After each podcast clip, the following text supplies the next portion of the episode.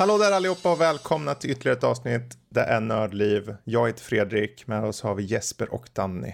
Hur står det till? Det är bra. Hur är det själv, Fredrik? det är jättebra. I alla fall inte, kanske inte lika bra som det är dåligt i din mage Danny. Det tycker synd om den lite. Du var lite dålig i magen. Men det, vi förhoppningsvis har du lättat på trycket förut. Yes, eller? yes. Det är intressanta ja, är Utan att bli för ingående. Precis, så. det är intressant att det är 18 timmar sedan jag åt senast. Så magen är busig. Ja. Sådär. Men att vi, nu ska vi Magen är busig. Men vi Magen har ju en fullspäckad eh, del, så jag, kan inte kunna, jag kommer inte Nej, kunna springa precis. iväg. Så för att vi har mycket, Precis. mycket Det är verkligen mycket i Stuff. det här 319 avsnittet. Vi spelar in den 18 i nionde nämligen och eh, bland annat kommer det snackas Aliens Fireteam Elite. Det kommer ta lite Eastward, lite Tales of Arise från Jesper. Hans intryck har. Jag tror vi har hört jag har pratat om. mina och dina. Om då, då, nu är det... Vi tog, upp, det, vi tog upp det i för förra veckan tror jag var. Ja, nu är det han. Honom. Den personen som vi alla väntar på. Jespers intryck har. För det, egentligen är det ju bara han som betyder något här i, i Nördliv vad gäller just JRPG. Han är vår expert. Så är det.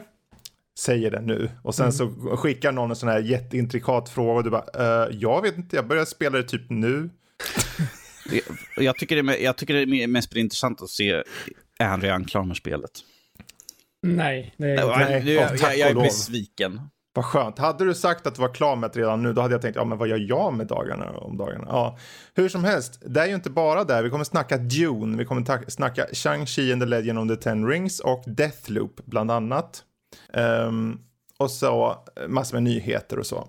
Ehm, ja, det är som du sa Danny, en späckad schema och vem vet, det kanske blir ännu mer späckat till, eh, om några veckor när eh, exempelvis Tokyo Game Show har gått av. För jag tänker vi hoppar rakt in på nyheter Yes. och på just Tokyo Game Show. Det kommer ju gå av stapeln nu 30 till eh, 3 oktober. Så 30 september till 3, 3 oktober. Och eh, det som har snackats hittills om, och jag tror att kanske, det är någon liten fågel som flög in och viskade i mitt öra att Jesper nog kanske blir lite intresserad av att Hiron, Hironobu Sakaguchi och Naoki Yoshida kommer ha en liten specialstream där de snackar Final Fantasy 16. Men har jag fel eller har jag rätt då? Eh, du har rätt. Eh, ja, men eh, det var ju ändå så, ändå sedan typ mer än ett år sedan nu vi såg Final Fantasy Mm. 16, den här reveal-trailern. Och det känns ändå som att det är på tiden att de visar något nytt eller pratar någonting som kan ge någon en liten inblick. Hur Mm. går det egentligen för det här spelet? För vi har verkligen ingen aning alls när det kan släppas. Det kan släppas 2022, det kan släppas 2023. Ingen Precis. vet liksom. Ja, för det är ju det där. Jag tror alla väntar där nu. Ehm, just datumet alltså. Eh, eller åtminstone en cirka period för när spelet kan komma. Tror du det kan avslöjas? Eh, jag tror faktiskt att det kan det. För eh, jag hörde någon annan intervju där de pratade typ lite löst om 16. Jag tror det var på någon live letter för Final Fantasy 14 eller någonting. Mm. Och där sa de någonting om att nästa gång vi tar upp Final Fantasy 16 så kommer vi ta upp det när det är i ett sånt skick att vi nästan typ kan släppa det nu. Ja, Eh, och då borde de ju ändå ha ett datum på det. precis. Hade spelet tidigare ett datum? Ingen, inget år det. eller ingen, inget sånt. Nej, okej. Eh, Okej. Ja, nej, men jag, jag tycker också det ska bli intressant. För någonstans känns det som att Square behöver komma ut med lite, lite mer info om spelet faktiskt. Um, och är det så något att man om- vill... Ja, Något vi dock kommer få på Tokyo Game Show av- Square är ju eh, ytterligare information om Project Triangle Strategy. Eh, det här uh, turbaserade Pix, eller Octopath Traveler-teamet som gör ett nytt mm. spel fast mer i typ Final Fantasy Tactics. eh, Förhoppningsvis kommer de med ett namn också. Ja, det där är inget namn, det är, det är någonting Så arbetsnamn bara. Ja. Precis. Eh, Eh, dock hette det ju Project Octopath Traveler innan det blev Octopath Traveler så det kan ju bli Triangle Strategy men det låter ju inte rätt alltså. Octopath Traveler går jag ändå med på men eh, Mm. Ja, Mm. den som lever får se. Eh, oavsett, är det så att ni vill se just det här angående eh, Final Fantasy 16 så kommer streamen gå av, nu ska vi se här, no, 02.00, alltså natten till söndag den 2 oktober. Måste det vara då. Eh, för oss i Sverige i alla fall. Det kommer vara klockan 9.00 japansk standardtid så. Eh, på den 2 oktober. Nio så det bara räkna där. Ja, Yes, för yes. japanerna. Jesper, får du vara upp så sent för din mamma? Ja, jag vet inte om jag kommer, för det, det är väl bara spekulativt om att det kommer vara 16. Så jag vill inte alltså uppe i onödan då egentligen, så jag kommer att se sen. Mm. Men eh, Ja, Men du kommer ju sitta med oss andra och glädjas över Men allting. oavsett, vi får hoppas att de visar upp Jo, lite kanske. och framförallt kommer med lite information om datum eller eh, en cirka tid. För det är Ja. klart att de behöver få in lite fler spel till 2022. Jag tycker det saknas spel, särskilt nu efter de sköt upp ett par spel här om veckan. Eh, så varför inte lite fler? Jag, men, jag menar, Tokyo Game Show kommer mycket, vad stod det att de skulle ha 44, eh, pro, eh, 44 livestreams över fyra dagar. Så det är 44 mycket. Yes, det är ju från massvis med olika. Mm. Så att det kommer ju finnas så det räcker till att bli över. Precis. Vi kommer att prata ganska mycket Ja, därifrån. ja det blir bra. Jag hoppas det. det blir om Eh, exakt två veckor nu då. Mm. Ja. Så det är inte långt kvar till dess. Eh, Nej, verkligen inte. Ehm, och apropå just saker som har visats upp. Jag vet att ex- även Xbox kommer eh, finnas på plats. Men eh, där har vi egentligen inte så mycket info om vad de kan tänkas visas upp. Det har ryktats om ett nytt IP. Huruvida det stämmer, ja, det får vi se om två veckor. Eh, vad som som sagt då redan har visats upp det är på THQ Nordics eh, showcase som var bara, vad blir det, igår i inspelande stund. Yes. Eh, där de utannonserar ett par spel. Eh, och jag river av spelen här så kan vi ta upp det lite sen i detalj om vi vill. Det är Destroy All Humans 2 Reprobed, Outcast 2, det är Jagged Alliance 3, det är Expeditions Rome, eh, MX vs ATV Legends, som alla har väntat, Superpower 3, LX2 och SpongeBob SquarePants The Cosmic Shake. Ehm, där har vi den line-up som vi säger. Det var inget som egentligen hade något datum förutom något som hade 2021 va? Det var Expedition Rome tror jag var som hade 2021, att det ko- 2021 bara. eh, tror jag det var. Okej. Resten Ja. var bara coming soon, vilket betyder absolut ingenting egentligen Mm, i spelvärlden. Precis. Det kan vara de nu- de kan vill tre skapa år. lite hype helt Mm. enkelt. Ehm, ja, jag vet inte, det som står ut är väl egentligen i den ordningen som, som jag sa om där. För jag tror Destroy All Humans 2 är väl den som, som är mest anpassad för en mainstream publik. Liksom. Du går runt och skjuter ner saker och det är lite, du uppgraderar vapen och det är, det är knasig humor och så. Mm. Ehm, så den, den, den kan jag tänka mig är den större av de här.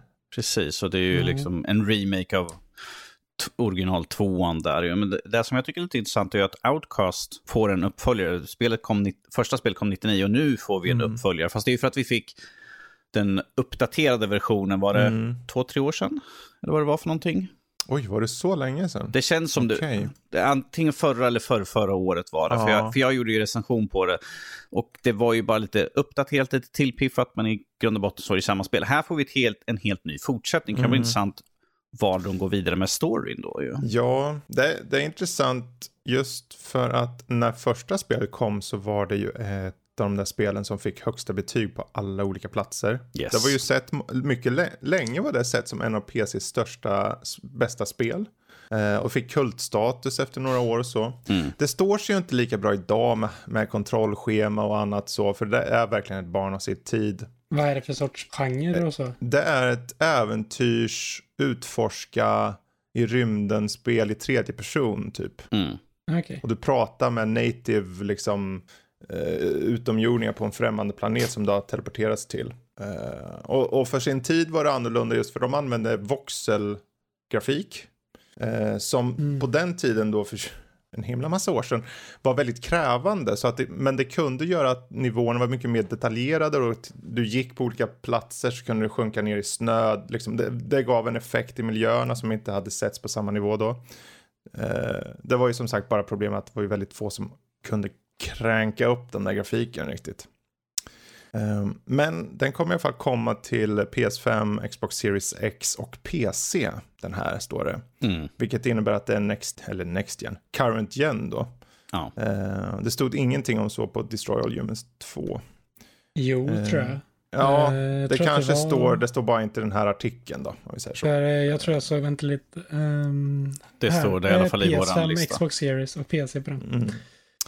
Mm. Sen hade vi Jagged Alliance 3 som precis på samma sätt som Outcast också en väldigt hypad gammal titel. För Jagged Alliance 1 och 2, framförallt ettan, vart ju superhyllat också.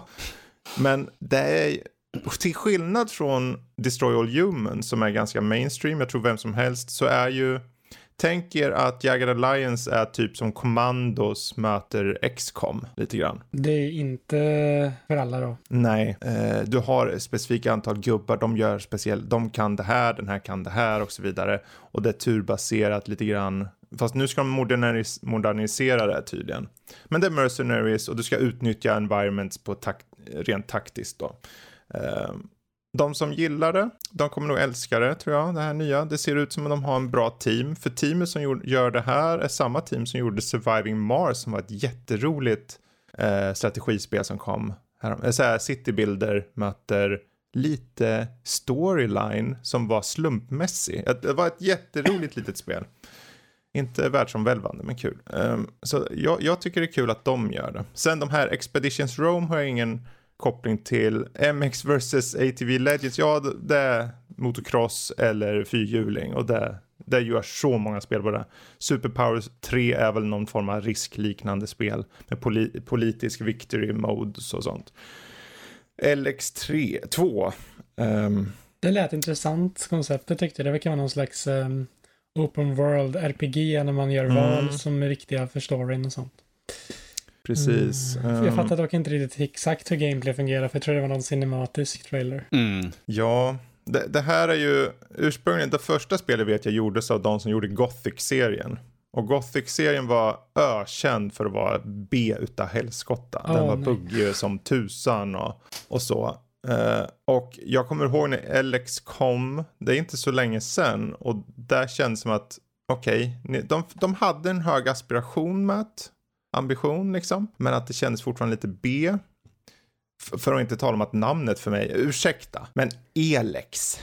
Det är inte som att det skriker så här.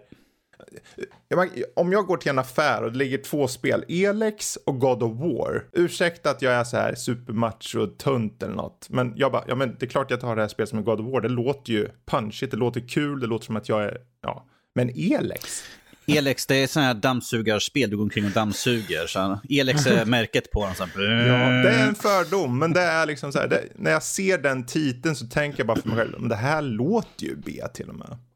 Om de inte ens har ansträngt sig för att göra en ordentlig titel, ska jag då skaffa det här? Men, jag vet inte, har ni, jag vet inte om ni har ni sett det, det ser ju åtminstone ut som de försöker tvåan här, faktiskt. Det kanske kan bli bra. Mm. Alltså, det är ju bara en cinematic eh, trailer, mm. så att det mm. säger absolut ingenting egentligen om hur spelet kommer utspela sig. Eller alltså, hur man spelar det. Visst, det är ett RPG ju, men ifall man ska ta sig an någonting sånt där så vill jag gärna se lite grann, hur är det, hur fungerar, hur fungerar upp, mm. uppgraderingar och sådana saker. Vad har jag för typ av karaktärer jag kan välja mellan mm. och sånt. Uh, men det, alltså, det kommer ju komma mer. Vi har ju, det kommer ju komma mer info ja. framöver. Ju, så. I och med att de inte har något datum så är det ju ett bra tag kvar mm. antagligen. Mm. Yes. Men eh, för originalet hade förvisso mycket buggar och dålig så här, eh, optimering tydligen. Men det var också ett spel som fick en liten kult-following. Så vem vet. Eh, slutligen hade vi SpongeBob SquarePants The Cosmic Shake. Och det är väl du Jesper som bara skriker efter det här spelet? Nej, men jag vet inte. Men det är väl ändå en ganska stor del eftersom att den här, gjorde inte den här rehydrated, mm. den ganska bra ifrån sig tekniskt Precis. Sett. Den är väl lite där... typ 3D-plattforms kultklassiker på sätt och vis. Mm. Så den håller någon typ så här, um, uh, om den håller typ samma kvalitet som det så tror jag ändå det kan vara en en hyfsat spel i alla fall. Absolut. Jag har inte ja, kört eh, Spambob-spel någon gång, men... Eh, mm. du, får prata med, du får prata med Emil om det. Ja, jag körde ju den, för jag delade med Emil, så jag fick ju möjlighet att köra just det Square... Eller vad heter det? Square Pants-spelet. Eh, Fyrkant. Rehydrated. Och det var faktiskt... Det var faktiskt kul, var det. Så absolut. Jag, jag tycker det är kul, utav, utav alla de här spelen som visar upp på THQ är det här enda spel som enbart var för de gamla konsolerna. Bara PS4, bara Xbox One och PC, men det är ingen så här Playstation 5, Xbox Series X, utan det stod bara PS4, Xbox One. Jag bara, hmm, det låter ju mm. lovande sådär. Ja, jag tror det är bra för det spelet dock. För att det känns som ett sånt spel som många, kanske mer liksom yngre människor kommer att gilla mer. Mm. Eh, Föräld, föräldrarna, föräldrarna har liksom, jag har, jag har nu uppgraderat till Xbox One, så du får min gamla, eller till Xbox Series X, så du min son får ta min Xbox One, så du kan spela Squarepants uh, Bob, vad fan heter för någonting. Squarepants Bob. Squarepants Bob, ja. jag, jag har aldrig sett skiten ja. så.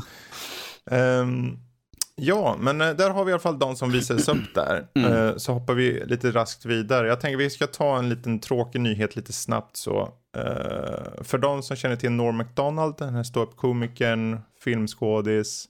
Um, och han var ju ganska outrageous i sin humor. En sån där som gick emot mycket av normen för vad komik kunde vara. Han har gått bort 61 år gammal. Um, och uh, är givetvis här, det var ju mängder med kändisar som har uh, kommit med sina condolences. Uh, som Jim mm. Carrey och mängder med andra kända personer som just uh, idoliserade han och, och, hans humor. Liksom. Så, och det finns inte så mycket mer att säga där mer än att det, det är beklagligt. Han dog ganska ung ändå, men det är många år, års kamp mot cancer då som tyvärr till slut vann helt enkelt. Mm. Och så är det med det.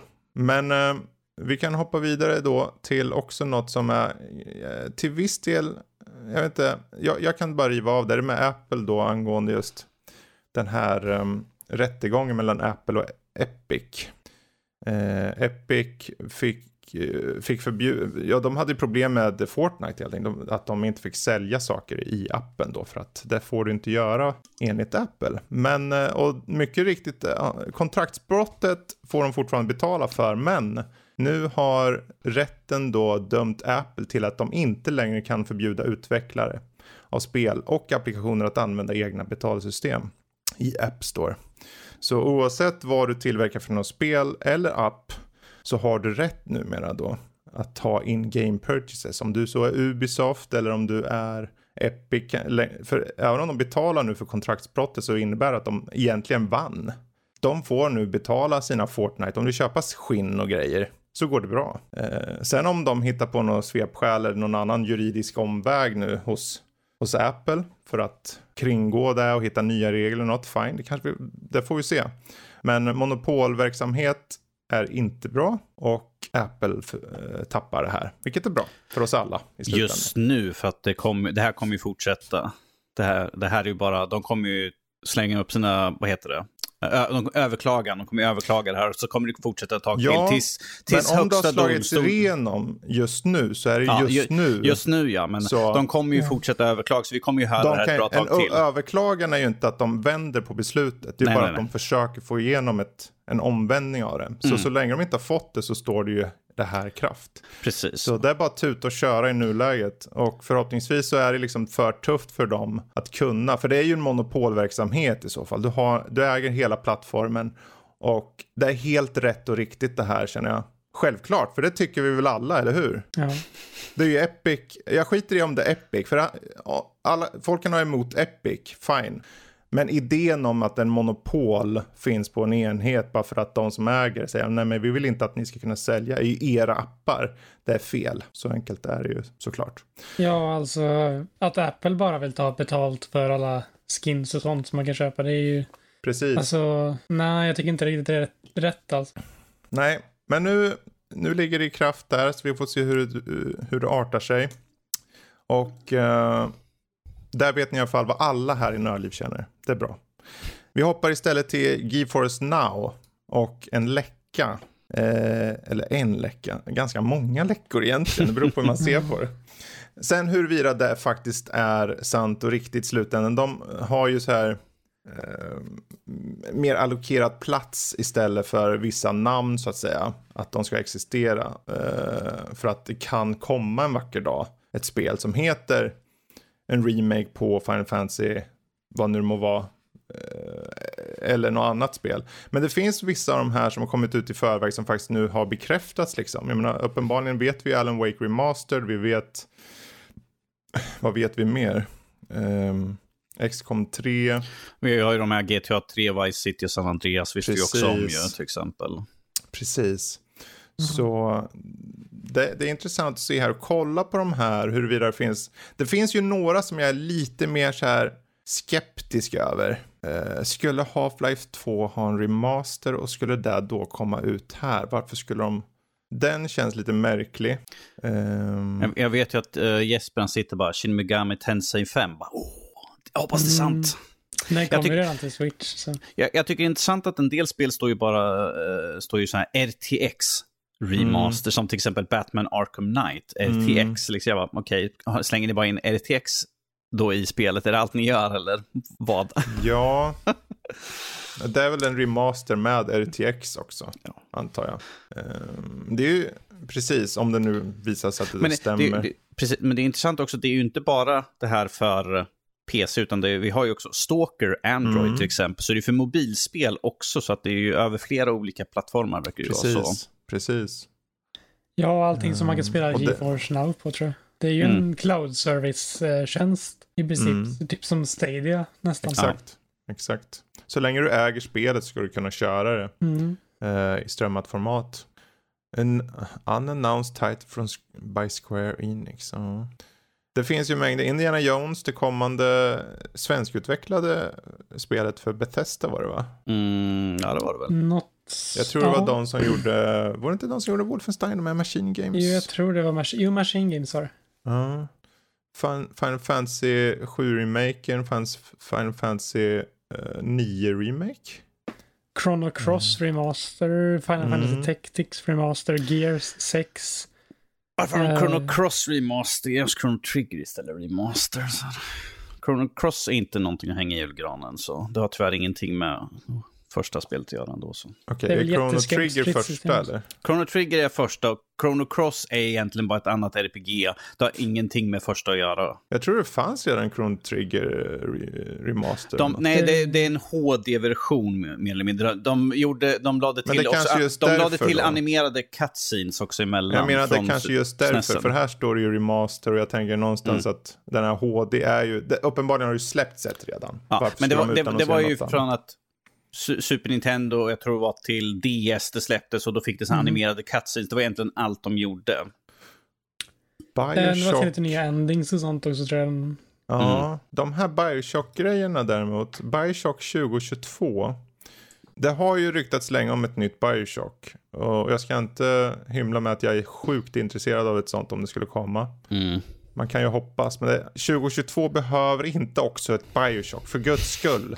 Vill du inte ha mer spel, Fredrik? Vill du inte spela spel? Jag redan skjutit upp Dying Light 2. spel, eller? Dying Light 2 mm. och Total War Warhammer 3 till nästa år.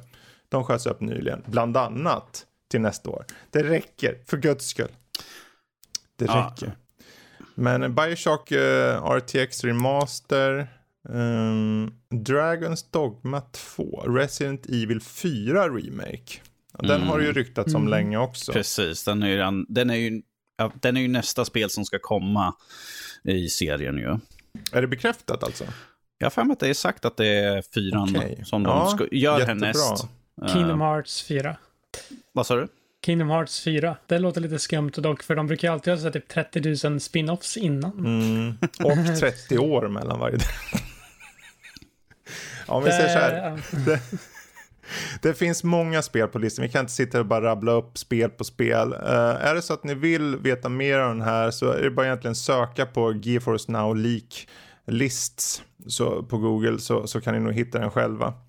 Uh, den är tämligen lätt att få tag på. Uh, huruvida den stämmer återstår att se. Ja. Alltså av många av spelen som finns här så kan jag hoppas att det är det. För det finns väldigt många spel som jag skulle vilja se eh, mm. remakes på. Bara att det står Titanfall 3 till exempel. Titanfall 2 ja. var ju ett oerhört uh, bra spel. Som, som tyvärr hade, tyvärr hade dåligt... Swords. Precis, det hade ett dåligt släpp. Det var nog det största problemet. Ja, det hamnade ju mellan två enorma titlar liksom. Mm. Och det en vecka, en vecka efter och sen liksom en vecka före ett annat mm. storspel. Så liksom mitt i smeten. Lite Precis. svårt att slåss då. Ja, verkligen. Men där undrar jag om, ska se här, vi har väl egentligen inga andra nyheter. Jo, där, vi kan ju riva av lite snabbt här. Nintendo 64-spel kan komma till Nintendo Switch online. Eh, dock verkar de ta en liten dyrare peng potentiellt. Eh, det här är ju, det har ju funnits rykten ett tag nu om att det ska komma. Och nu, uppenbarligen är ju det här också egentligen ett rykte. Det är en YouTube-profil som heter Nate the Hate som tydligen är ganska renommerad som har kommit ut med det här. Men, ehm, och han, han har tidigare då också bekräftat andra saker som visade sig stämma. Men jag vet inte, vill vi se Nintendo 64-spelen på switchen? Jesper, vad säger du?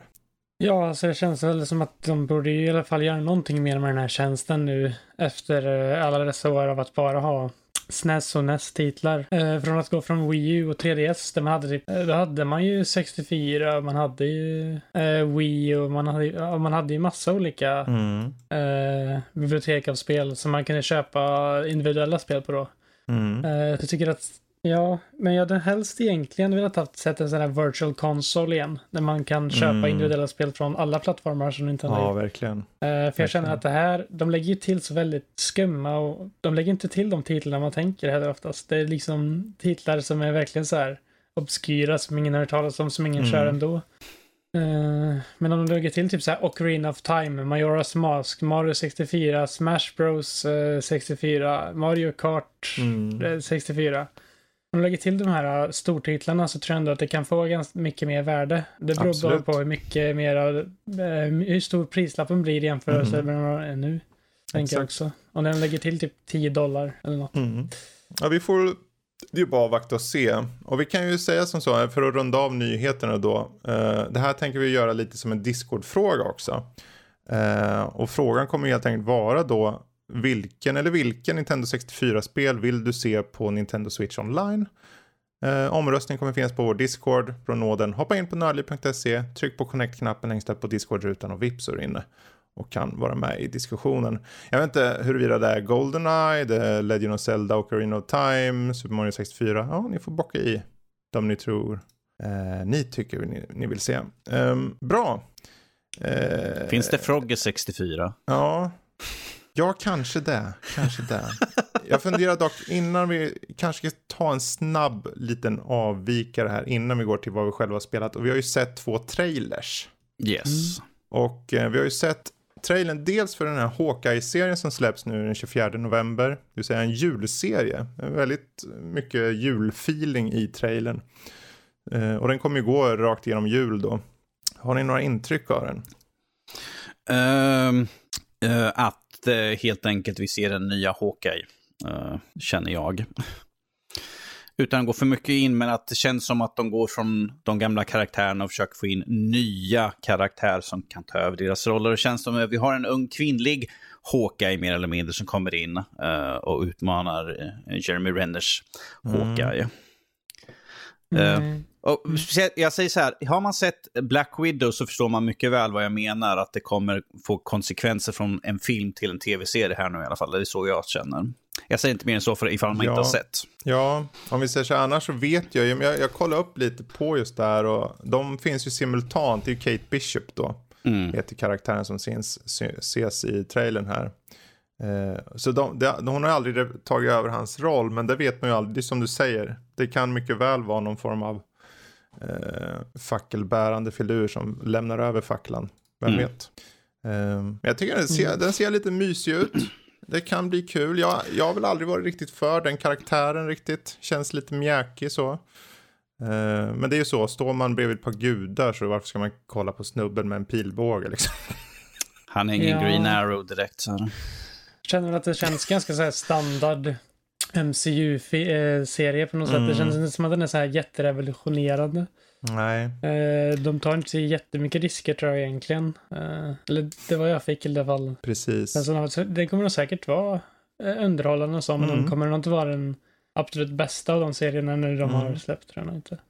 Ja, kanske. Jag, jag är lite så här, ah, näst, för mig känns det som, ja, när jag såg den tänkte jag, gud det här känns så så basic på något sätt. Att jag tänker nästan, ja men det här kanske är en sån där serie som jag går in med så här låga förväntningar och sen bara visar sig att den är jätterolig och jätte, jättebra eller något. Vi får väl se. Um, men just att de har, för många gånger har de ju haft, som i WandaVision var det ju fokus på den här eh, sitcom-uppbyggnaden eh, som var först då och sen hade du ju uppenbarligen Loki som var en helt annan grej, liksom med tidslinjer och dimensioner och allt vad det var.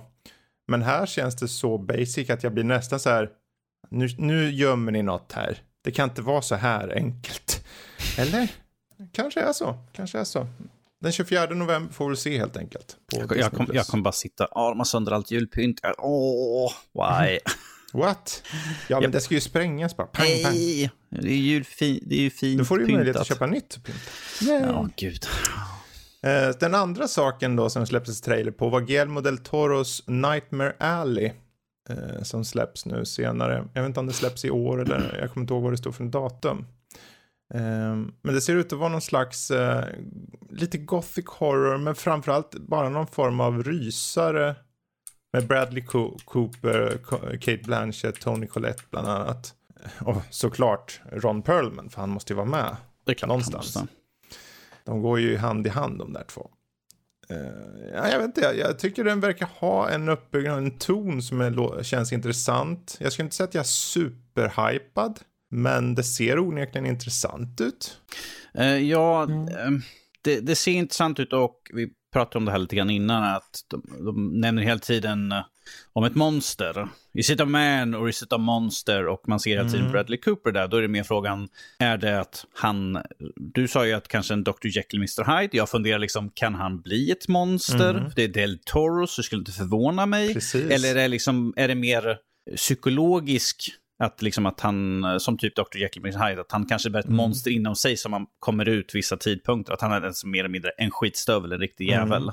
Mm. Um, ursäkta språket. Um, på, på ett mer psykologiskt plan mm. än bara det här att... Um, för, för vi ser ju som en karneval mer eller mindre. De har mm. liksom folk som ska komma och se för sista gången med William Defoe som... Uh, uh, är utroparen där. Kom in och se för sista gången här just nu. Är han ett man eller ett monster? Så Mm.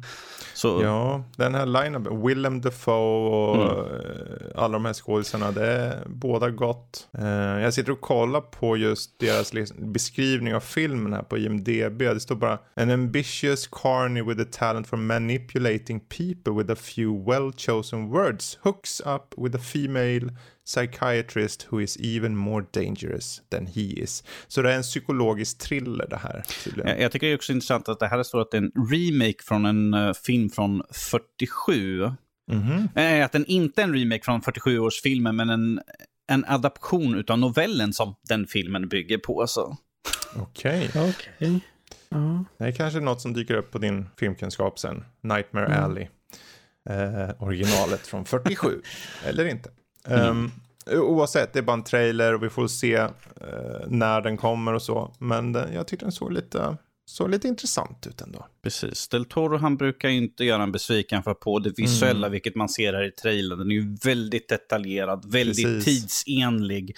Eh, om, om vi bara då... Ja, för det ska vara något 40-50-tal som utspelar ja. sig. Ja, men vi kollar bara, kollar bara, bara kostymerna mm. och så på karaktärerna. Eh, det är ju väldigt så här speciellt när man ser Bradley Cooper när han är uppklädd och sånt där. Det är mm. väldigt tydligt 40-tal uh, eh, där. Och Precis. bilarna och sånt. Han är ju väldigt uh, pedantisk ja. på detaljer ibland. Ja, sådär. verkligen. Det märkte man ju redan i Shape of Water och Crimson mm. Peak att det var väldigt mycket fokus på det. Sen huruvida filmen är bra. Ja, ah, han som gjort Shape of Water.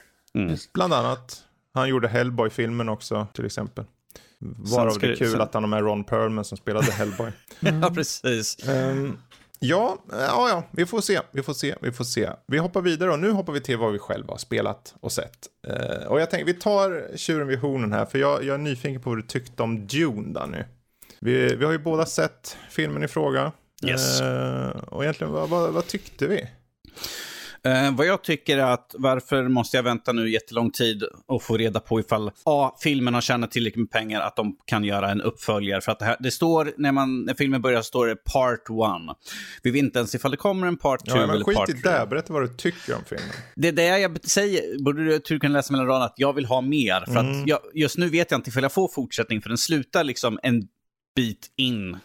Ja, så att säga. Det är inget riktigt slut. på ett sätt som vi inte behöver gå in på. Men jag, jag satt och såg på den här. Den har, eller Ja, det är inte en film för alla tror jag. För den, han väljer verkligen att ta ut på scenerna, hålla i vikten på, på vad karaktärerna gör i scenerna och dra ut på tempot.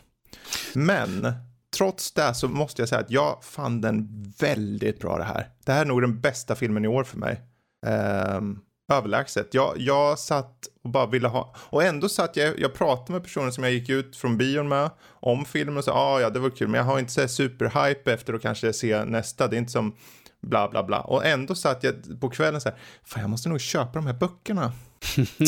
jag måste nog ta och läsa, fan, helskotta. Nej, jag tycker den var, den var otroligt fint gjord. Han uppenbarligen, uppenbarligen är han eh, bryr han sig om att följa storyline, att följa eh, och hedra Herbert, Frank Herbert som gjorde. Det känns mm. som att eh, han har gått all in här och den var till att börja med, den här som den gode David Lynch gjorde 84 eller när det var. Mm. Den har kultstatus, men det är ju ingen bra film. Det här det... är definitivt en riktigt bra film. Lynch film är ju ett hackjobb ifall man tar i jämförelse med den. För den var ju liksom, de fick bara en film att göra hela boken på. Mm.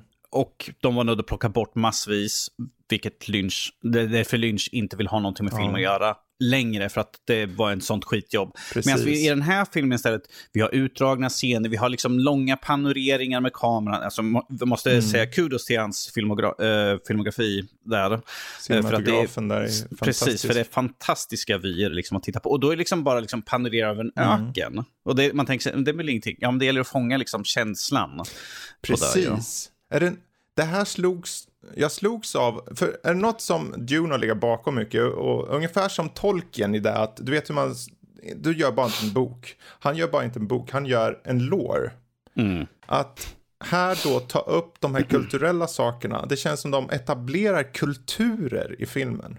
Att de etablerar det här, den kulturen och var, bara, det, det, är inte en spoiler i sig det här, det är bara ett musikinslag. Jag blir bara så här lite tagen att när Atreides anländer till en planet så spelas det en slags säckpipemusik i någon slags futuristisk ton. Så jag bara, bara de, den här musiken var, ja, hur får de till det här? Det var så annorlunda och så tydligt att de etablerar en ton med vissa karaktärer, med vissa hus som gjorde att jag bara, det här är jättebra. Han tänker inte bara på det visuella, han tänker på ton, han tänker på kulturyttringar, han tänker på liksom ambiva det ambivalenta i vad de säger. Vad är det för några visioner som den gode eh, huvudkaraktären, Paula Trades, får? Stämmer de? Stämmer de inte? Vad händer? Vad händer inte? Det tycker de sköter väldigt bra. Jag satt hela tiden, men vad är det? Och efteråt man satt, ja men satt och pratade om filmen. Ja, men stämmer det? Vad är det som, hur tyder du det? Och vad tänker du kring det? Sådana aspekter har jag inte tänkt eller funderat på om, om en film på väldigt länge faktiskt. Uh, jag gick ju med en bekant och hon sa, sa hela tiden, hon sa till en hon bara, men det är precis som i Star Wars. Jag bara, ja, jo, de har vissa liknelser. Liksom. Men det är också med i Star Wars. Jag bara, jag bara sen uh, sa jag att uh, Uh, Oscar Isaac, han är faktiskt med i Star Wars. Hon bara, det är mer han är med i Star Wars. Jag bara, ja, jo, men så är ju kanske George Lucas inspirerad från den här boken från 64 som är lite för. Så att mm. vi ser ju inspiration uh, från liksom Dune med liksom resande och liksom allt möjligt sånt där. Ja, och där, jag tror där är ju, jag tror för de som inte de som bara vill gå och sätta sig och se en actionfylld film så är inte det här riktigt för er. Nej, det här är 2.35. 2.37 till och med. 2.37, så det är, mycket av tiden är ju bara uppbyggnad. Det är liksom uh, känslor, mm. liksom uh, utdragna scener med där dialogen liksom ska lig ligga kvar mm. och liksom få en att tänka lite grann. Vill man ha en liksom snabbare action så ska man inte gå och se på den här. Nej. För det här är lite mer, uh, vad, vad Det är fokus på drama också, liksom. Ja. Mycket. Uh, och... Det är lite mer djupa tankegångar, det är liksom framtidsförbådande ja. och sådana saker. För det som det bör sägas här, när vi säger utdragna scener säger vi inte, för utdragna scener låter negativt. Mm. Det är ju att de låter ta sin tid med karaktärerna och de låter ta sin tid med vad de etablerar i miljöerna. Som att en karaktär står och bara känner på vattnet eller bara tittar ut mot havet.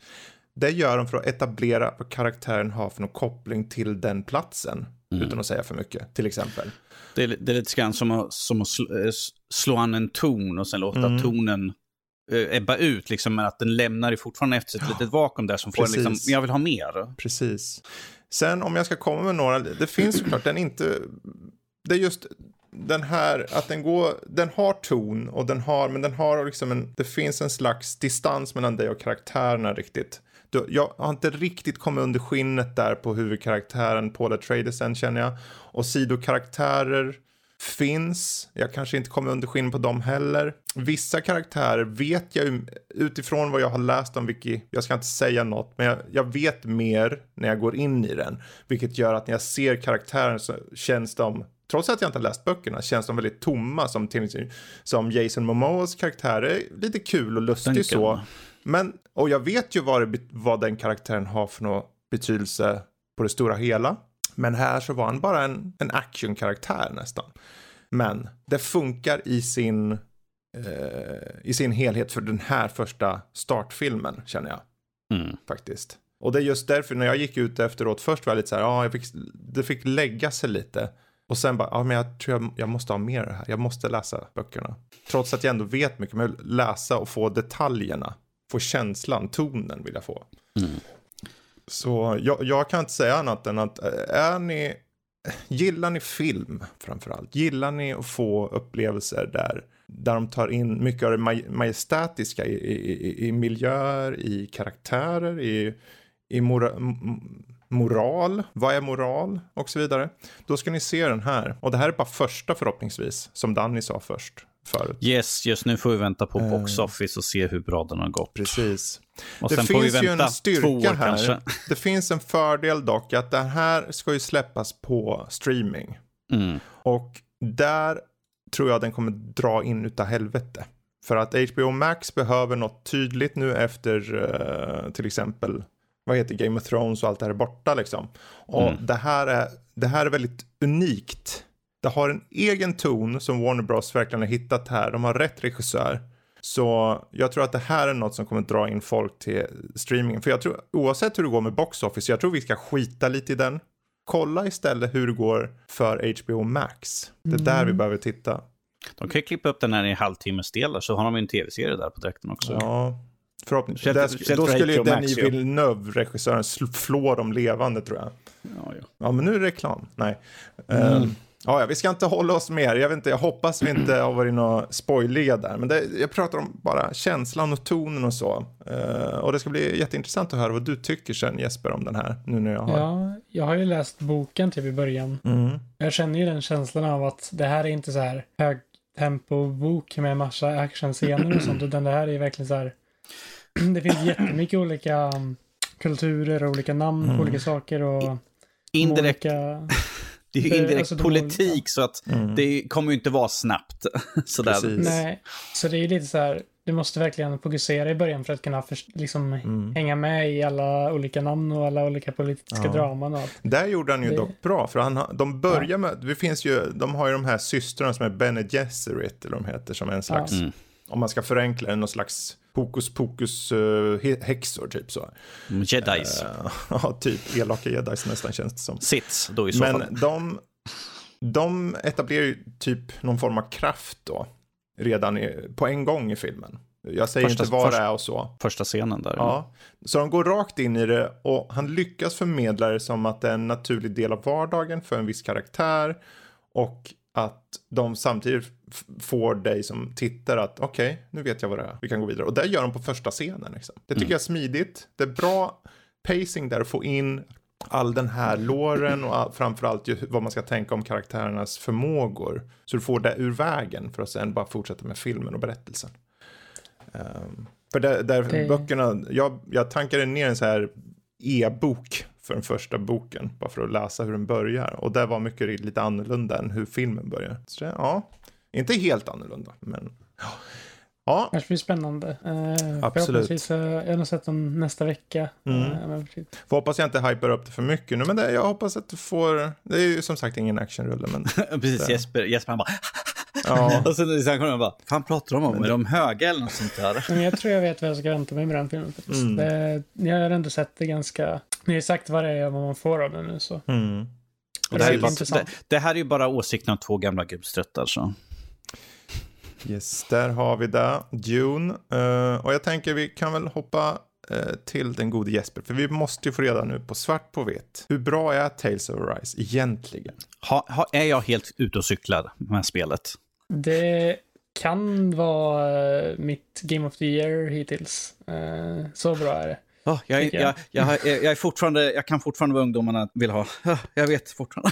Jo, men jag tycker verkligen I alla fall den att, ungdomen. Den ungdomen, precis. Det har uh, väldigt mycket bra grejer. Både storyn där med hur den etablerar sin värld. Världsbyggandet tycker mm. jag är mm. väldigt intressant med hur de har den här crown contesten mellan uh, Renna och Dana, två planeter som är uh, emot varandra. Och sen nu när jag kommer till ett ställe där man typ utan att säga för mycket, jag vet inte om Danny om du dit, men man får ett nytt intro till spelet. Om du dit. Mm. Mm. Eh, då vet jag att det, den tar en ganska stor vändning och uh, spelet blir What? Är det så här det var? Och så är det. Den har väldigt eh, ändå, jag tycker om den, jag tycker om karaktärerna, jag tycker om stridssystemet är väldigt eh, kul att bara lära sig nya arts, som de heter, de här olika specialförmågorna som låser upp. Du, du, får, du får hålla med, det är väldigt flashy, speciala, Extremt. Extremt är det verkligen. Det, är, du har ju så jättemånga olika förmågor, du kan använda sån här eh, boost-attacker, de här combo-attacker mellan olika partnermedlemmar som bara bryter upp hela liksom, skärmen i typ fyrverkerier känns det som.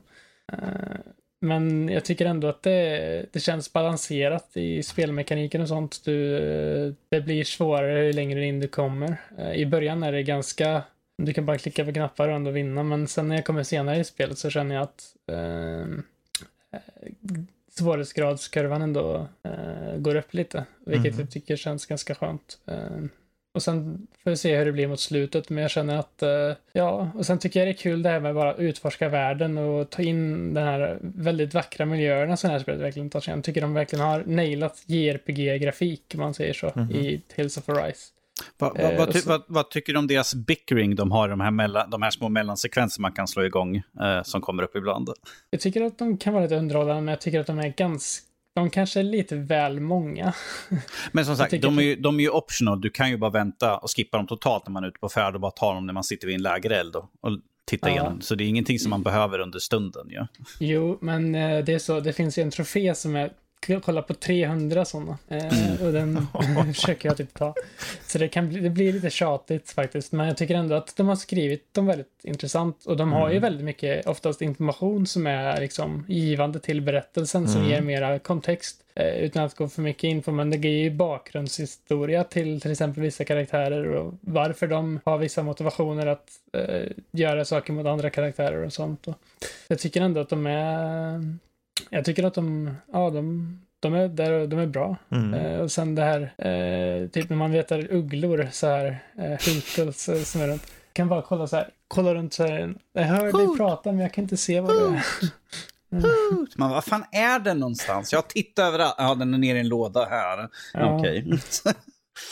jo, men jag tycker att, eh, ja, det är nog verkligen, det blir i alla fall årets eh, JRPG om man säger så. Och det har ändå släppts en hel del JRPGs i år. Mm. Men jag har svårt att tänka mig att något som kommer sen slår det.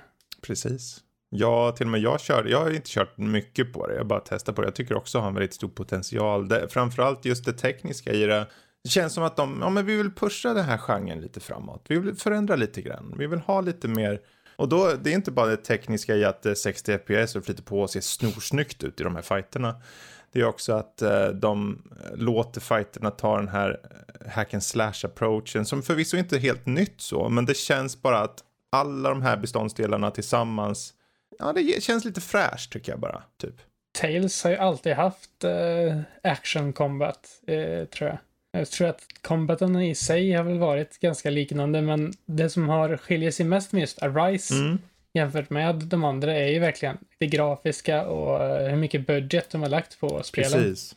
För innan jag, eh, innan Arise, eh, när jag fick Arise så testade jag Tales of Berseria som jag hade stående i hyllan bara för att testa hur det var. Jag hade eh, skaffat det någon gång för en billig slant. Eh, och jag kände verkligen att det här är extremt nischat spel som jag tror inte merparten kommer tycka är jätteunderhållande bara på grund av dess väldigt så här JRPG i mängden grafik om man säger Mm. så. Eh, och sen kommer vi till Tales of Rise som ser ut som att kunna nästan vara ett AAA, liksom open, alltså får man kolla på det lite grann bara. Det är Precis.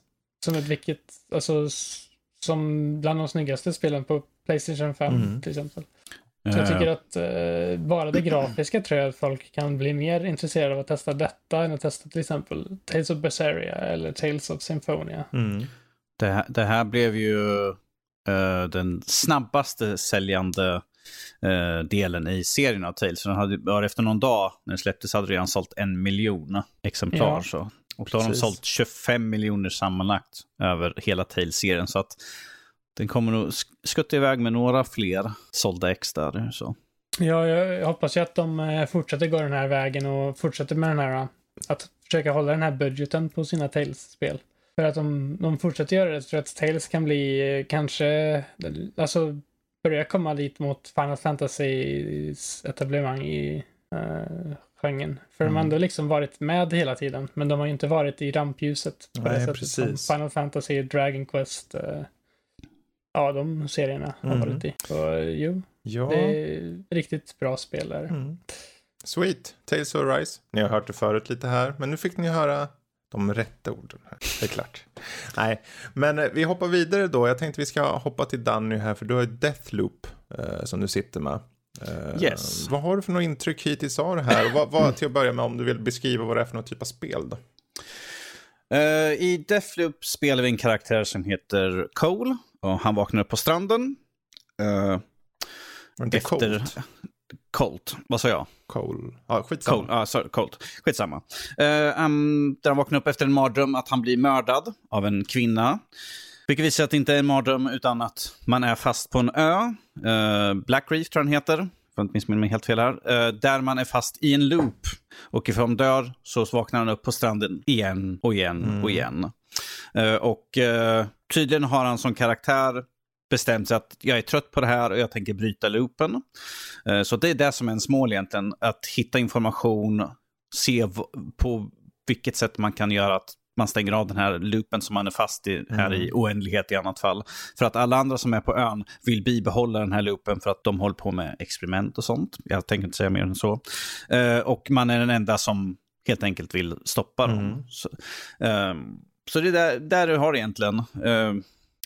Spring, leta, få hitta, hitta information om allt och alla där egentligen på Mm. öarna. Jag tycker det är intressant. Eh, Man kan hitta, jag kommer inte ihåg vad de heter för någonting, men eh, grejer som ger dig förmågor helt enkelt. Eh, till, till exempel för vapen eller för dig Mm. själv, eh, mer eller mindre.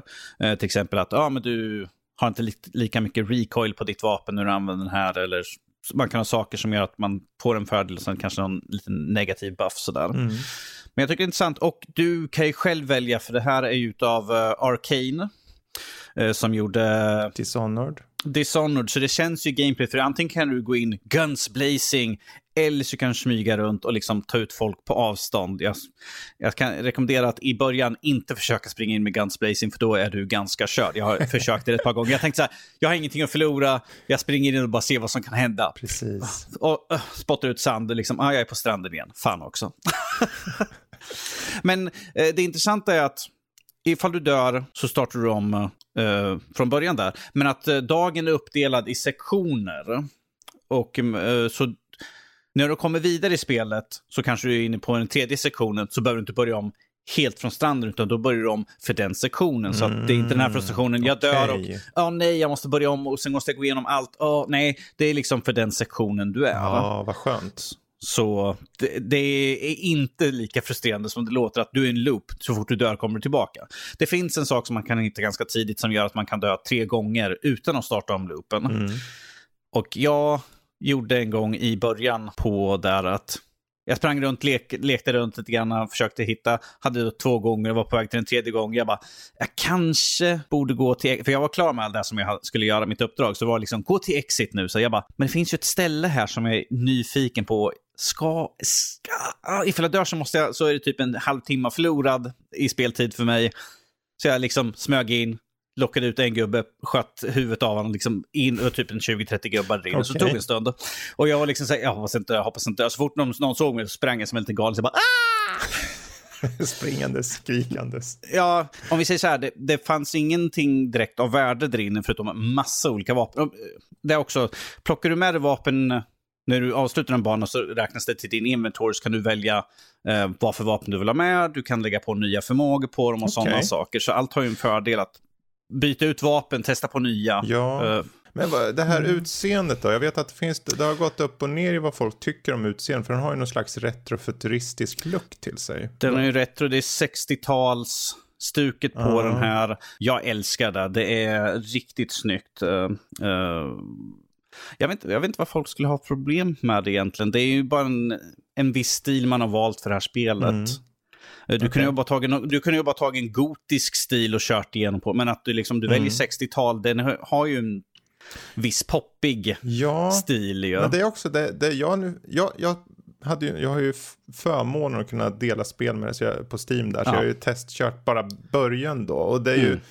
Precis, det här är ju början av hela spelet, du får, det står text här, det är någon som talar till dig liksom, i text. Ja. Det, är så, det var väldigt mycket mer mystik över det än jag trodde. Vem mm. är det som pratar med dig? Varför? Varför leds jag? Är det någon som leder? Är jag knäpp i bollen eller vad är det som händer? Mm. Sådana saker liksom. Så jag, jag varit väldigt genuint nyfiken på det här, liksom, vad som egentligen händer här. För, det är, de, för först tänkte jag att ja, men det är bara ett koncept, de gjort ett spel runt ett koncept. Men det känns som att de faktiskt har tagit sig tid att göra en story och ett narrativ som drar, drog in mig. Men det var ju bara första biten, vad vet jag. Mm. Och det intressanta är ju att uh, den, man spelar Colt verkar ju ha, hon som man blir mördad av, uh, Juliana, verkar ju ha en koppling till henne. Uh, så att, fast hon är den, hon kommer ju mörda en oberoende. Eh, senare kan man låsa upp så att man kan hoppa in i andra spel. Ifall Fredrik skulle sitta och spela spel så kan jag välja att hoppa in som Juliana. Bara för att ta död på honom och förstöra hans gameplay. Eh, oh. man, kan, man kan ställa in public eller så kan man ställa på vänner endast. Så att eh, ifall Fredrik spelar och satte, satte liksom vänner endast så är jag endast jag den som kan hoppa in och jävlas sådär ju. I din kampanj då? Precis. Oh, Spännande. Det känns lite inte, alltså det här är, det här är senare, det är ja. inte i den här introduktionsgrejen, men Nej. senare så är det liksom att man ska kunna hoppas in och jävlas mm. med sina kompisar. För att då kan man ju avbryta deras loop och måste, då måste de starta om den för den sektionen så att säga. Går Fredrik göra så att du inte kan göra klart spelet inför recensionen då? Så då går han in och dödar din massa Ja, jo. Ja, alltså än så, länge, än så länge är det kul. Mm. Uh, jag tycker om att, för folk som har lyssnat, jag tycker om att utforska. Mm. Så att jag tar ju onödigt lång tid på mig att utforska. För att man kan hitta text, man kan hitta dokument och sådana saker. Man kan tjuvlyssna på folk när de står och pratar. Uh, det jag tror det på andra, andra området så smyger man upp i ett rum och där står tre personer och pratar. Sen helt plötsligt tar en, liksom, sätter upp en pistol mot en annan. De bara, de bara ah, är det så här du ska göra liksom just nu? Bara, ja, men du vaknar upp imorgon ändå ju så. Man bara, eh, de har varit i den här loopen lite för länge. Så skjuter de bara personen som flyger iväg. Bara, det är lite, ibland är det lite ragdollen lite överdriven. Okay. Uh, för de sköter och man ser liksom gör en sån här cartwheel i luften som flyger iväg. Starkt skott. Mm. Jäklar det kul ja. måste vara på det vapnet. Japp. Och de bara, men du vaknar upp imorgon ändå. Ju, sådär. Ja, jo, men jag har minnet av att du sköt mig i huvudet. Sådär.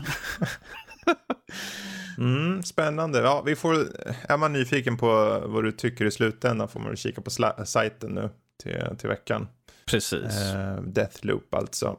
Eh, bra. Jag är ju genuint nyfiken på att fortsätta på det. det ju väldigt, jag varit förvånansvärt eh, intrigued av den där mystiken faktiskt. Mm. Eh, vad som däremot inte är lika mystiskt, det är rakt av bara eh, köttigt. Det är ju Aliens Fire Team Elite som vi körde här om, häromdagen. Vi streamade också. Mm. Um, three player co-op, tre spelar co-op eh, och man kör en kampanj faktiskt. Du kör en kampanj mm. bana för bana och mellan där så kan du välja att gå till en hubbplats, liksom, något nå, skepp någonstans. Där du kan prata, interagera med personer, uppgradera dina vapen lite och, och förmågor. För det finns, eh, fanns ett gäng olika klasser, det finns fler klasser än det finns eh, tillräckligt många spelare. Du kan ju köra tre spelare, men det finns fler klasser än det. Vad är det, fem eller sex klasser tror jag? Precis. Eh, fem sekunder. Gunner, Dem De Demolisher, Technician, Doc och Recon. Och alla har Mm. speciella liksom, abilities och perks och så. Eh, och så finns det 30 plus vapen och det finns massa mods och sånt du kan ha till vapnena och, och allt där. Eh, och allt eftersom du kör på de här banorna så träffar du nya fiendetyper. Och jag trodde först, ja men hur många xenomorphs, alltså aliens, kan det finnas? Ja, du, det finns ett par stycken. Elva stycken, eh, mig veterligen. Så- Jag vet inte om jag skulle säga att storyn är något så här, men vi körde ju förvisso inte, vi har inte hunnit kört så långt än. Men du, du... Nej, vi, kö- vi körde igenom första kampanjgrejen Mm, där ju. Precis. Men den, den är ju väldigt trogen till eh, originalfilmerna tycker jag. Mm. Och väldigt trogen för Aliens då, tvåan då antar jag. Mer. Ja. Bättre än Nej. Colonial Marines. Man. Ja, Colonial Marines. Nej, vi ska inte ta upp det här. Det här är ju, det här är ioner bättre. Ska, jag- ska jag hämta min Collectors-figur till Mm, Colonial Marines? Ta då? hit den och så pinka på den lite grann. Nej, men eh, det är ju tredje persons det här nu. Eh, survival shooter eller vad de kallar det. Cooperative. Och det känns som att de, det är ju inte, det, är ju, det här är ju inte något världsomvälvande spel så på något sätt. Storyn är väl bara än så länge mer gå dit, skjut här, skjut här. Och det blir lite hård mode-känsla över det. Så det blir lite repetitivt. Men vi kört bara början. Jag har en känsla att det kommer öppna upp sig. Mm. Jag vet inte, vad tyckte du Danny? Alltså, är ett härligt skjutare. Uh, visst, det är ju det här, du springer lite grann mellan korridorer, du kommer till en viss plats och så blir Springande, en- skrikandes liksom. Ja, jag tror att det var mer Max som skrek en massa sådär. Eh, vi, dem, skjut när vi dem, streamade. skjut dem. Ja, precis. Eh, nej, men uh, det, kort och kort är det liksom, du springer mellan platser, sen blir det som en hård mode. Mer eller Mm. mindre för att du väntar på att en hiss ska komma en, eller att någon ska hacka ett Mm. system eh, som, med någon som du pratar liksom på ett skepp utanför. Precis. Så det är ju mer den här vänta, skjuta de vågor av aliens som kommer Mhm. mer eller mindre.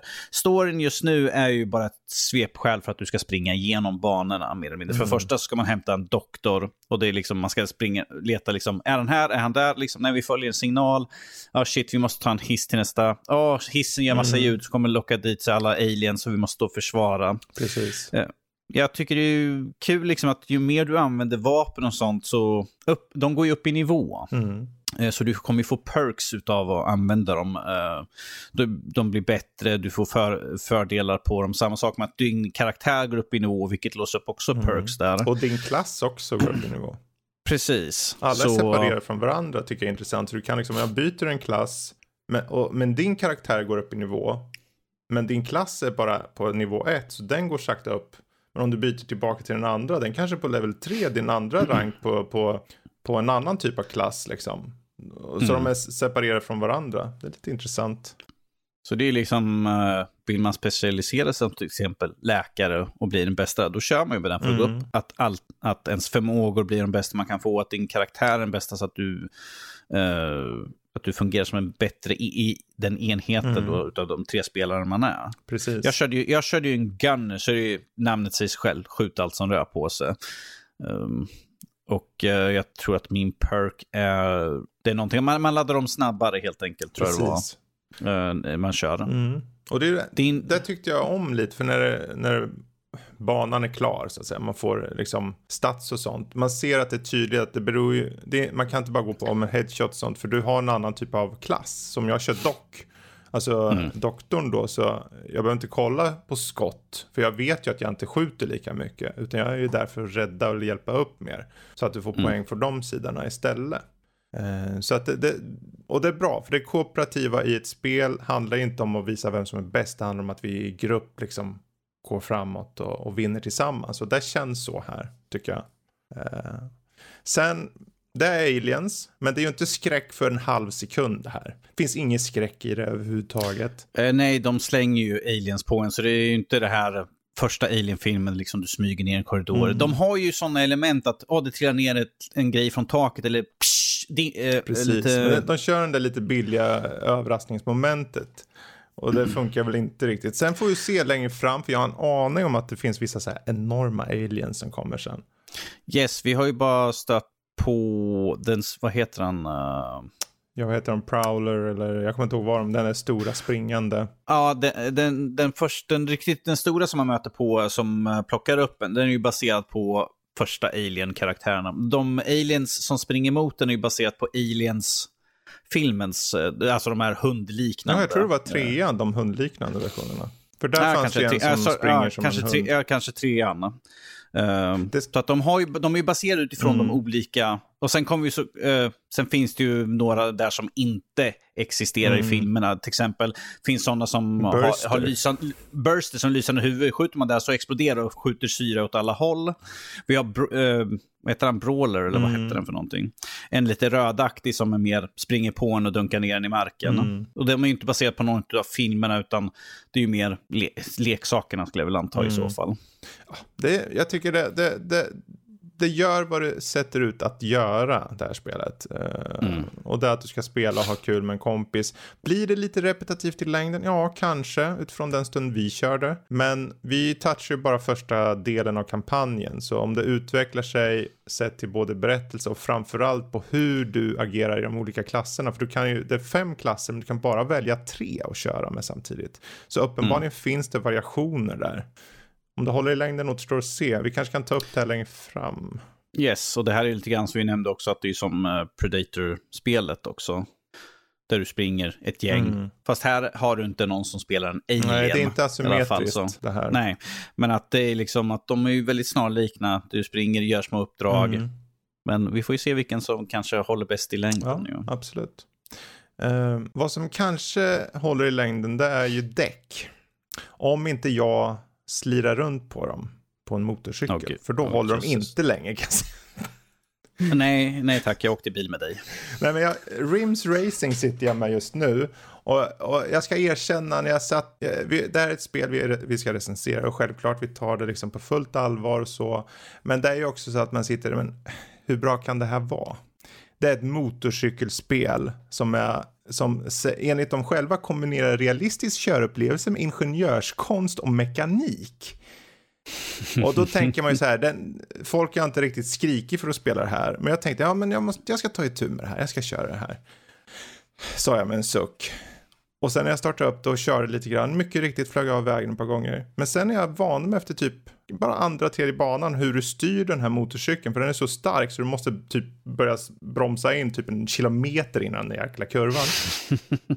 så börjar det sätta sig och jag börjar få in svinget. Liksom. Och sen när man kommer till menyerna som är typ massa olika, så här, det, det är ett stall liksom. Eh, där du har eh, dels en slags utvecklingssession där du kan researcha och förändra liksom, och få reda på mer saker angående motorcyklar eller konkurrenter eller eh, alltså sett till motorcyklar och fördelar och sånt. Du kan också manuellt ändra delar på din motorcykel och då tänker man ja, ja, du trycker på en knapp för att byta en skruv och sätta på en ny grej eller bara dubbelklickar på en ny grej för att installera den. Nej, du ska... Eller, eller, eller den klassiska, du har köpt den här, vill du sätta på ja, den precis. på direkten? Riktigt så är det inte här, utan du köper, säg att du köper så kallade nya pads, så här bromsklossar eller någonting då. Mm. Då måste du gå in på motorcykeln, skruva bort de gamla manuellt. Det är så här, rotera åt höger för att ta bort skruvar, steg ett. Tryck neråt och tryck på A för att ta bort den här padden. Och så är det fyra steg du ska göra med handkontrollen för att ta bort det. Och sen så ska du göra samma sak för att installera den nya prylen. Och först tänkte jag, men det här är, ska jag behöva göra så här? Men sen när jag gjort det ett tag tänkte jag, men det här är ju ganska kul. För vad de visar här, för ärligt talat, en simulator-fan vill väl ha simulationen på, på alla nivåer.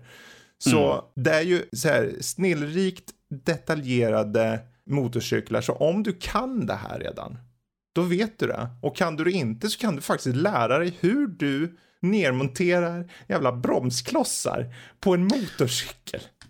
Då kan du det sen i verkligheten. Ja, faktiskt. Ska, Fredrik, ska du fråga du brorsan ifall du kan byta hans bromsskivor? Eller? Ja, precis. Det, eh, det, kan du skriva på CV. Du har spelat Rims Racing här. Jag kan byta Jag kan motorcyklar. motorcyklar nu. Ja, hur som helst. Du analyserar data. Till och med, du åker mid-race här. Du sitter i ett race i kanske fem varv och så trycker du på select-knappen på Xbox-kontrollen och då pausar spelet, går i sidläge på din motorcykel och visar statusen på alla dina delar i din motorcykel. Okej, okay, den är på 89%, den där börjar bli gul, alltså sämre kvalitet, den är på väg att bli rött. Jag måste gå in i pitstoppen och i pitstoppen, precis som du gör när du ska byta då i workshopen utanför eh, spelet liksom, eh, så måste du åka in i pitstoppen och manuellt se till att gänget byter. Du snurrar på en knapp som gör att de tar av hjulen. De, du snurrar, trycker på en knapp som gör att de skruvar bort saker och så vidare. Så du måste själv styra pitstoppen. Och därmed sitter du där under tidspress. Okej, okay, jag vill ju inte hålla på med det här i tre kvart bara för jag ska bli av med byta däck här.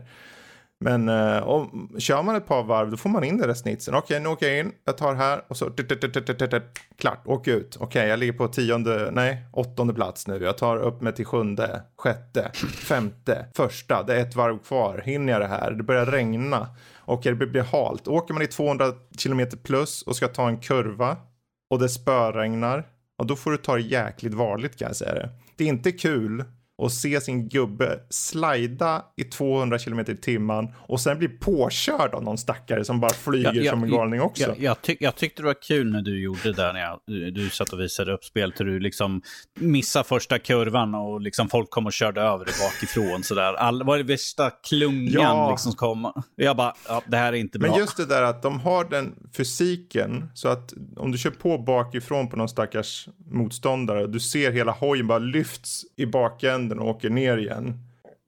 Det tycker jag var ganska nice. Överlag, jag, och sen märker jag förvånansvärt överraskad över att det var det var roligt ju det här. Jag, jag, är mest förvånad, jag är mest förvånad att se honom åka in som nummer ett.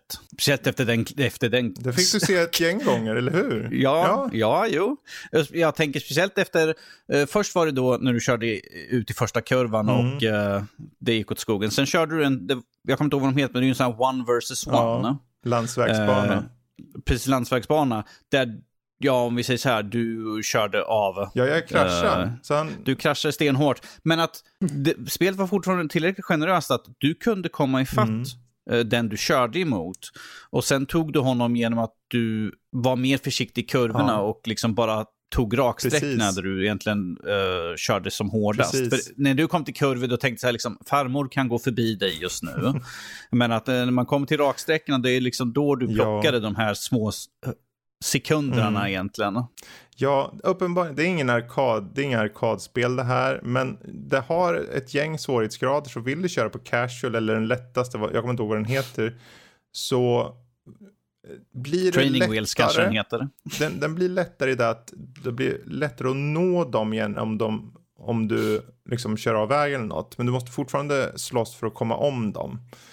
Eh, gör du något misstag här och var så kan du fortfarande komma förbi dem. Eh, kör du på en svårare svårighetsgraderna så uppenbarligen, då, eh, kör du av vägen en gång då är du kört på hela banan liksom. Då, då är det bara skitigt, restart eller något sånt. Eh, plus att din motorcykel då, den bara suger i sig soppa. Så ju högre svårighetsgrad, desto mer tar soppan slut snabbare. På, på de lägre så klarar du ett helt race, i alla fall på de fåvarvade banorna, eh, utan att behöva tanka, vilket är jäkligt nice. Du åker in och kollar trycket kan du göra. Mitt blodtryck? Ja, jo, det måste vara ganska liksom, högt för mig att köra sånt. Däck i trycket så här, ja, bara för att se om det stämmer. Sånt kan man göra. Det visar bara ambitionsnivån i det här. Är det för alla? Nej, det är det definitivt inte. Eh, jag kom på varför du körde av på den här One vs One. Eh, för du bytte till första persons inuti hjälmen-vyn. Mm. Bara för att visa upp den och sen var det mer eller mindre, ah shit en kurva och sen flög du av. Det, den, den vyn tror jag inte någon vettig människa använder. Kanske någon ovettig. Den, den, den, är bara där för att finnas till. alltså, eller det är ju inte bara att man är i förarvy. Du är ju bokstavligt talat i hjälmen. Så när han rör på huvudet i kurvor, då rör ju hela kameran mm. i kurvor. Så du vet när man tar... Det kanske är en challenge mode-grej bara, ja. man vill liksom utmana sig själv. Kanske. För när du tar då en kurva i 50 graders vinkel och nästan ligger ner i 150 km i timmen och du liksom kan bokstavligt talat nästan slicka på asfalten där bredvid dig och, och, och huvudet nästan är där. Då är man lite så här, okej okay, jag tänker ju aldrig köra motorcykel i hela mitt liv. Aldrig någonsin. Jag kan köra det här, men inte på riktigt, för det där ser ju fan livsfarligt ut. Hur, hur ofta Nej, kommer du vara underliga i kurvorna sådär? Precis. I Örebro. ja, jag springer hellre skrikandes runt som en galning. Hur som har vi, Rims Racing. Eh, gillar du simulatorer så kan det vara värt att titta in. Eh, gör du inte det, då ska du nog gå och titta på Dune istället eller någonting. Eh. Ja, jag, tror, jag, jag vet vad ditt ut, uh, utdrag borde vara. Faktiskt oväntat kul. Ja, vi får se, jag ska mangla mer på det. Uh, men jag har kommit förvånansvärt långt på det faktiskt redan, så vi får se. Mm. Um, bra, däremot vad som kanske har kommit långt på det är ju Eastward, Jesper. Uh, men uh, lite första mm. intryck av det vore kul att veta. Till att börja med, vad tusan är det? Ja, Eastward är ju ett, ett Shanghai-utvecklat spel från en indie-studio mm. som heter Pixpill. du spelar som två karaktärer, Sam och John, tror jag han heter. Jo, det heter mm. han. Eh, och de ska ut på ett, eh, en resa tillsammans eh, och åka, öst, åka bort från sin... Eh, de bodde i ett liten, eh, en liten gruvby mm. som heter Protcroc Isle, eller något sånt där. Eh, och eh, den här eh, byn leds av en eh, ond eh, borgmästare som de vill fly ifrån. Eh, och det är det de då, då ger ut sig ut på en eh, intressant och eh, en intressant resa med ganska många mysti mystiska aspekter som jag ännu inte riktigt har knäckt koden på till exempel. Eh, Sam verkar ha någon slags bakgrund eh, som någon slags det är någon skum typ inre person som pratar med henne hela tiden som är typ någon lira version av henne som går runt. Typ spökversion av henne som eh, verkar vara någon slags mother av något slag till någonting. Eh, och det har jag inte riktigt fått svar på än. Men eh, det är lite typ Last of Us-känslan då blandat med eh, Zelda i 2D. Eh, okay. Det är väldigt Zelda-uppbyggnad i att du går runt och eh, lös, eh, hittar nycklar för att låsa upp dörrar. Du hittar så här heart pieces i princip som du gör i Zelda mm. och kistor som du låser upp och dödar fiender. Du har en stekpanna du kan slå med med John och ett gevär. Eh, och så kan du byta karaktär också. Du kan styra de här två samtidigt. Så Sam kan eh, lysa upp grejer med sin eh, magi som hon har. Eh, typ eh, och eh, skapa eh, typ stunna fiender så det blir mm. lättare för John att ta ner dem. Eh, och ta bort miasma som det heter, eh, en ond eh, energi som gör skada om du går in i den. Eh, och sen, ehm, ja, ehm, John kan då attackera fienderna mera. Jag tycker ändå att det, det är extremt läckert spel i pixelgrafiken. Jag tror jag aldrig sett någon sån här extremt polerat pix, i miljöer av pixelgrafik. Det känns verkligen som att man kollar på ett pixelkonstverk nästan hela tiden när man mm, kör. Eh, och samma kan man säga om musiken. Den är verkligen fantastiskt komponerad och passar verkligen in i alla mm. eh, situationer hittills. Ett, karaktärerna är väldigt udda och unika. De känns verkligen som att de kommer från ett typ Zelda-spel med eh, den här eh, lite udda karaktärstyperna och den världen de är i tycker jag det passar väldigt bra in i. Mm. Eh, det är ju inte riktigt våran värld utan det är ju typ en liten, ja, annorlunda, lite typ steampunkig värld om man okay. säger så. Uh, jag tycker det är extremt lovande hittills. Jag har kört till kapitel 3 nu. Jag vet inte hur många kapitel det är, men det känns som att det kan vara ett ganska långt spel faktiskt. Jag läste någonstans att det skulle vara runt 30 timmar och jag tror jag kommit 8 timmar nu. Mm, mm. Uh, så det är väl en bit kvar, men jag tycker att om du håller den här kvaliteten så är det kan eh, vara riktigt bra. Det enda jag tycker är lite skumt är att man inte har någon rullknapp där du kan rulla och dodga fiender med. Okay. Eh, det känns som en given grej annars i de här spelet man har. Mm. Men eh, striderna och sånt har varit väldigt basic hittills i att du egentligen inte behöver det utan fienderna står ofta ganska still och så, så det har varit ganska lugnt mm. med den aspekten. Men det är någonting som jag är lite fundersam till varför de inte har med fortfarande. Eh, men annars, förutom det, så känner jag att det här har väldigt, det är väldigt mysigt och mm. charmigt spel. Så jag tycker att om du är intresserad av spel, ja, jag, jag, tycker nästan att alla kan testa detta. För jag tror att det är ett spel som eh, vem som helst nästan kan plocka upp och hitta någonting med faktiskt. Det känns som ett sånt spel. Härligt. Så jag rekommenderar, eh, du kan, ni kan ju läsa min recension sen för fulla intryck, men mm. Eh, som just, för just nu så tycker jag att det är väldigt lovande spel. Mm. Ja, fantastiskt, det är skönt att höra. Um, bra, jag tänkte vi ska gå till den avslutande grejen för idag och jag tänkte vi ska snacka om Chang-Chi and the Legend of, ten, of the Ten Rings. Jag vet att du har sett den Jesper, jag har ju sett den också. Um, och uh, jag vet inte, den, den här filmen, eh, det var ju ett tag sedan vi såg den. Vi har inte hunnit ta, ta upp den än. Jag tror det är därför. Eh, som blir lite sent. Men eh, det är ju då en Marvel-rulle. Det handlar om den här eh, killen eh, Shang-Chi då. Jag, jag, jag, jag gör så här att jag håller mig efter det som står på IMDB för jag vill inte spoila något så. Men eh, han är då en man som bor i USA och han behöver då ta itu med det förflutna helt enkelt efter att han har dragits in i den här så kallade Ten Rings-organisationen. Eh, och det här är ju typ av en kung fu-rulle för Marvel då kan man säga. Mm -hmm. Även om den har väldigt mycket fantasy i sig också. Eh, och var en väldigt stabil rulle faktiskt, eh, tycker jag. Uh, bra skådespeleri uh, och sätter upp lite grejer och har en egen del av MCU som jag tror den kan nästan till och med hållas för sig själv och, och liksom blomstra för sig själv om de så önskar. Uh, jag vet inte, vad tyckte ja. du om den här filmen Jesper? Jag tyckte den var väldigt uh, underhållande. Jag tycker den var väldigt, det var fräscht att se något nytt från uh, Marvel mm. på det här sättet. Att det här var ju inte den typiska superhjältefilmen som uh, Marvel oftast gör, utan det här var ju något helt nytt kände jag. Även om det fanns, det finns ju kopplingar till MCU överlag utan att spoila för mycket. det är ju, det är ju ändå trots allt Marvel. Mm. Men hur de la upp storyn och de la upp uppbyggnaden för, för det flesta mm. där med att det är ju typ typ en kung fu-rulle fast med lite fantasy. Precis. Det är ju det, uh, alltså. Och, ja.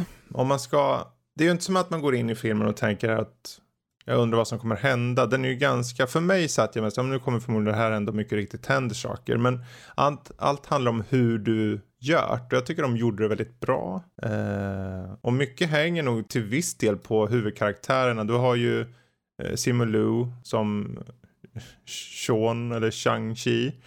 Eh, och sen har vi ju karaktären Katie spelas av Aquafina. Eh, den här gamla, den här komikern då. Som i sig tycker jag är jätterolig. Jag har sett henne i många filmer som... Var hon som gjorde Draken i Raja? Ja, precis. Det var det ja. Jag kände att det var väldigt så här, Eh, väldigt liknande karaktär på något sätt. Med ja, kanske det. Den pratar Precis. och så, väldigt så här högt tempo i pratet mm. och mycket skämt i typ varenda Ja, hon tillför ju MCU i den här filmen på något sätt. För det, behöver alltid, det är ju mm. alltid en fråga om banter och det är liksom den här komiken. Och den är, den är ju väldigt på det sättet MCU-ig. Eller Marvel-mässig så. Men precis som du säger så känns den lite fräsch. Den känns som de gör någonting lite nytt. Eh, och det känns som att vi står inför just en våg av Marvel-filmer som kommer försöka att vara nytt. Men allting börjar med tv-serierna som i sig är väldigt, jag menar WandaVision, den står ut. Uh, Loki står väldigt mycket ut. What If-serien har vi inte ens tagit upp de senaste avsnitten på. De står ut. Så det känns som att de nu, de vet, de har etablerat MCU, de har etablerat Marvel. Nu vågar de testa nytt. Och det märks i den här. Ja. Men intressant att se vad de gör med Eternals. Mm. Alltså. Eh, den filmen som kommer härnäst Precis. från Marvel. Eh, för den verkar ju också vara lite så här unik ja. Eh, på något sätt. Med nya karaktärer och nya mm. settings och sånt. Så att och det är ju Marvel fas 4 nu som, mm. ja, det känns som att de vågar ta lite mer risker nu. Mm. Och det ska bli intressant att se hur den går vidare från det här sen till fas 5 och hur det blir med, om de gör ännu mera liksom genre, eh, nya genrer som de tar sig an och lägger in. Mm. Ja, herregud, den här filmen, de hade ju ett moment, jag ska inte säga vad det är för någon scen så, men det är en slagsmålscen som känns väldigt Jackie Chan. Mm, uh, det, och jag... Står han och snurrar ste på stegar och sånt där eller? De slåss på en plats som känns väldigt Jackie Chan. Och det, det, ja, och det är bara en av scenerna. Sen är det så, det är ju mycket CGI. Och mot slutet, som jag egentligen, jag, jag kan tycka att den var på vissa sätt, den småputtrar fram till viss del. Men sen när de kommer till en viss plats. Jag vet nu pratar om. Då tänkte jag okej. Okay, hur får de det här normaliserat? Men de lyckades väldigt bra. Uh, och jag säger bara en sak. Fler svansad räv. Så, nu har jag sagt mitt. Tack för mig. Naruto. det var så sött så. Oj, oj, oj. Uh, nej men uh, en kul film faktiskt. Uh, kul stund på bion. Jag tror vi behöver mer sådana här typer av film. Uh, där Dune är antitesen till den här liksom. Den tar sin tid med andra saker. Så vill man ha någonting med action, gå och se Chang-Chi för tusan. Kul att kunna gå till bion och bara se mm. någonting också. Mm. Från den 30 september så kommer det upphöra med de här varannan plats avskärmningarna också. Ja, men det har ju varit så skönt att ha det.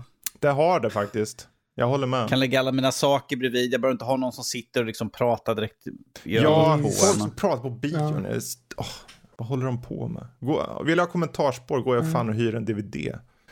Vart jag lite ranty där. DVD, DVD mm. Fredrik, hur gammal är du egentligen? Det kommer snart. Det är då du ska säga gamla, hyra. Min Betamax.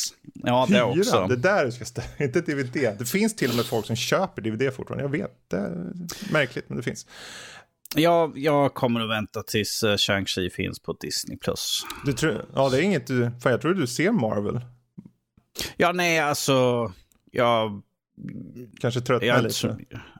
Ja, nej. Eh, så jag, går ju på, jag är väldigt selektiv när jag går på film egentligen. Så det är film. Dune är som mm. sagt, jag älskar Dune. Uh, Dune-filmen, jag älskar de gamla tv-serierna och sånt där. Jag tycker om uh, den världen. Mm.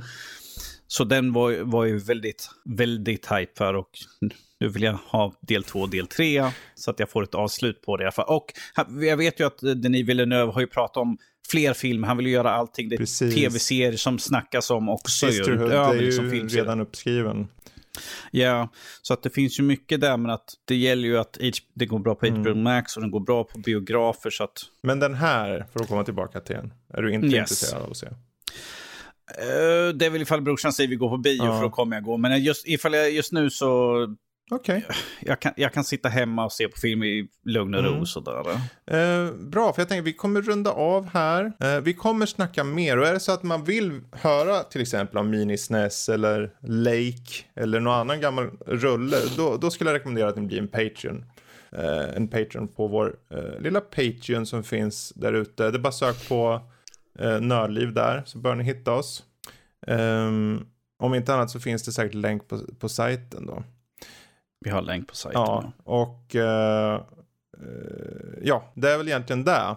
Men uh, är det så ni vill ha mer av bara av oss så nördliv.se uh, klicka in, läs saker och ha det mysigt. Framförallt gå med på vår Discord för tusan så ni kan vara med i den här omröstningen om uh, vilka vilken, eller vilka Nintendo 64-spel du vill se på Nintendo Switch online.